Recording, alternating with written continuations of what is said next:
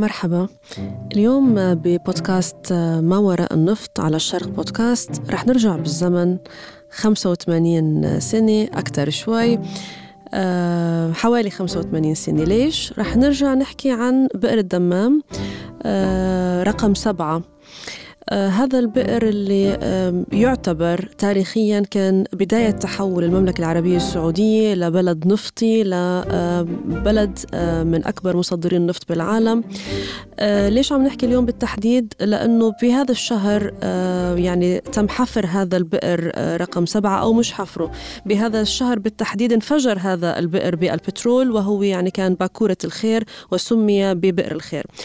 خليني أروح لعندك وائل وتحكي لنا قصة بئر الخير.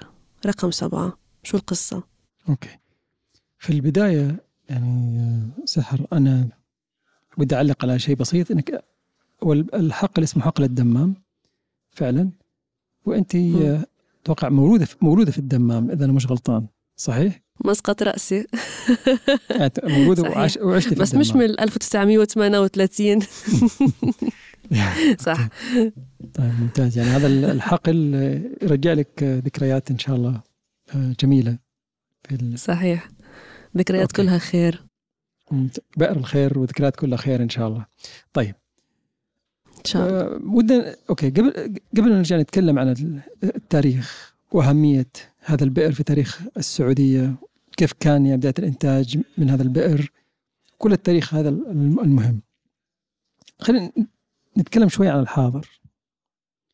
هذا الحقل بدأ الإنتاج التجاري منه في عام 1938 وإلى اليوم أرامكو السعودية لا تزال عندها خطط لتطوير هذا الحقل. الحقل هذا توقف لمدة سنوات طويلة. تم إيقافه في, التس... في الثمانينات عندما انخفض الطلب على النفط مم. في العالم أرامكو السعودية أغفلت العديد من الحقول في ذاك الوقت خصوصا إن ال الكر... ال- النفط اللي يخرج من حقل الدمام ما كانت النوعية اللي يرغبها السوق في ذاك الوقت، الآن هذه نوعية مرغوبة اللي هي المت- المتوسط إلى الثقيل. ففي ذاك الوقت مم. تم إيقاف هذا الحقل مع حقول أخرى والآن لما رجع الطلب على يعني على النفط العالمي يرتفع رجعت أرامكو تفكر إنها تنتج من هذا الحقل. هناك خطة طموحة لإن- لإنتاج النفط من العديد آه، من ال- الحقول لرفع الطاقة الإنتاجية لأرامكو السعودية إلى مليون آه، يعني بمليون برميل إضافية لتصل إلى 13 مليون برميل. بحلول 2027 فحقل الدمام حيكون احد الحقول يعني حتنتج منها أرامكو بعد إيقاف طويل. هذا الحقل مخطط له الآن إن ينتج 75 ألف برميل يوميا. تحت الخطة الجديدة بحسب مم. آخر تصريحات ل آه، رئيس شركة إمتى أرامكو يبدأوا؟ لأنه هو أغلق رسميا أغلق رسميا 1982 آه، نعم. ومن لما بدأ يضخ يعني من 1938 لل 82 أنتج 32.5 مليون برميل آه هذا الحقل أو بئر الدمام رقم سبعة إمتى رح يرجعوا يستأنفوا؟ لا لا يعني الحقل أتوقع في اعمال من فترة طويلة آه، لإعادة الإنتاج. مم. أتوقع إعادة الإنتاج حتكون تدريجية. آه، طبعا كان في حديث سابق ان هذا الحقل ممكن ينتج مئة ألف برميل. آه، ليس 75 ألف فقط. لكن حسب اخر التصريح يعني آه، آه، رئيس الشركة أمين الناصر قال إن المتوقع إن الحقل راح يضيف 75 ألف برميل آه، يوميا إلى إنتاج أرامكو. فالان يعني أتوقع في مراحل اللي هو التدريجية للانتاج الوصول إلى هذا الوصول إلى هذا المعدل. متى بالضبط؟ والله يعني ما عندي هذا ال- ال- التاريخ. ولكن طب احكي لنا وائل قصة البئر. أوكي. في شيء في في شيء مهم هنا نحتاج نذكره. حقل عم- عمره الآن مم. 85 سنة. لا زال ينتج. هذا دليل على أن الحقول السعودية حقول مهما تقادمت فهي عندها القدرة على الإنتاج لسنوات طويلة.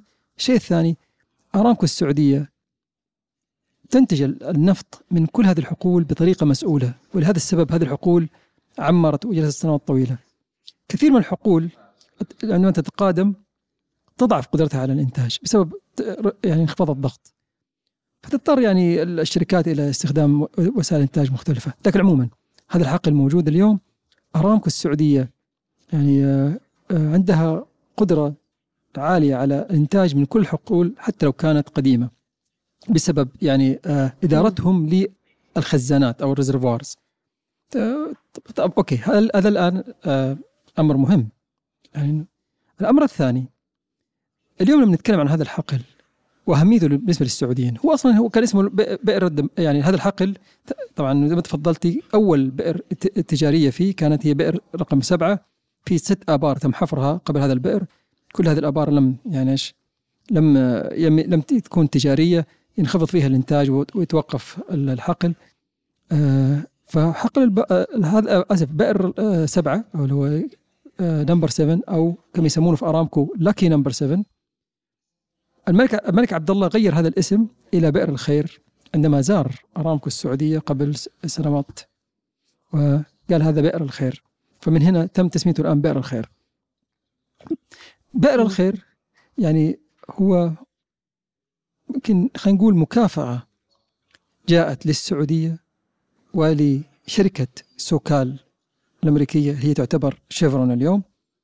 هذه السعودية في ذاك الوقت أخذت خطوات يعني طموحة جريئة للبحث عن مصادر آه، دخل آه، غير الحج والعمرة.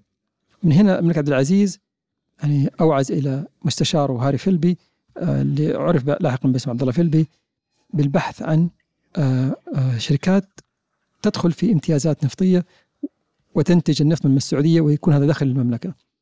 هاري فيلبي بسبب م. كراهيته للشركات البريطانية أنه هو بريطاني اتجه إلى الشركات الأمريكية وكانت شركة كاسوك موجودة في البحرين وينتجون من البحرين. وكانت شركة كاسوك عينها على السعودية أصلا. لأنه كان ينتجون من البحرين وكانوا يشوفون أن التركيب الجيولوجي متشابه فكانوا متوقعين أنه يكون في نفط كذلك في السعودية في المنطقة الشرقية. كل هذه الظروف يعني كانت يعني آه، آه، غير مهيئة لدخول في عمليات تجارية آه، في بلد آخر بالنسبة لشركة سوكال. نتكلم عن الكساد العظيم في الثلاثينات. سوكال وقعت في عام 1933 مع مع السعودية.